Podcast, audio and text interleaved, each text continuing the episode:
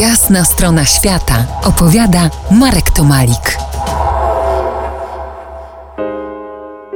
Dziś filozofia podróżowania. Czym jest i czy wikłanie tych spraw może nam jakoś pomóc? Większy kwadrans temu próbowałem powiązać podróżowanie z szukaniem siebie. Czy to w ogóle ma sens? Chyba tak, ale warto w tej dywagacji przyjąć założenie, że szukanie siebie samego to jakby sobotnie sprzątanie, usunięcie śmieci na drodze pod stopami, a najlepiej tych niewidocznych. Taki odkurzacz z filtrem HEPA. Wszystko do wody i potem to wylać.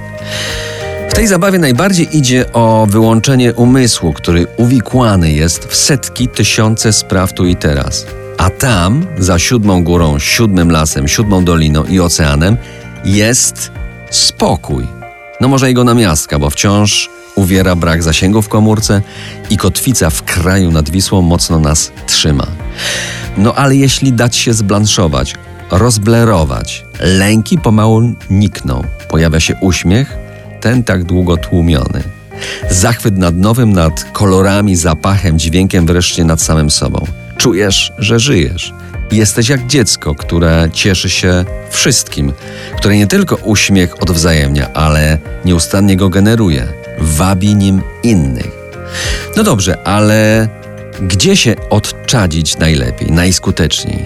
Tu nie ma jednej, jedynej odpowiedzi, jest ich spontaniczna wielość.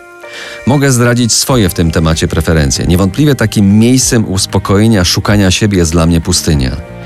Nic specjalnie oryginalnego, bo per saldo i ma się wielu, bo tu, na pustyni, rozpraszanie świadomości wydaje się najmniejsze.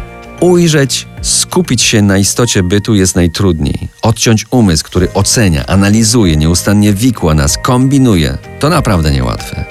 Poskromienie rozumu będzie jednak nagrodzone.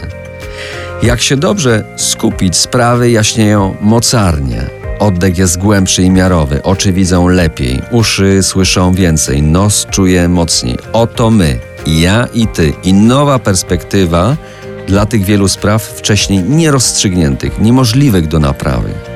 No dobrze, jakoś nam się udało. Teraz trzeba ćwiczyć, powtarzać, podróżować. Mam nadzieję, że się spotkamy za kilkanaście minut na imaginowanej pustyni, co? To jest jasna strona świata w RMS Classic.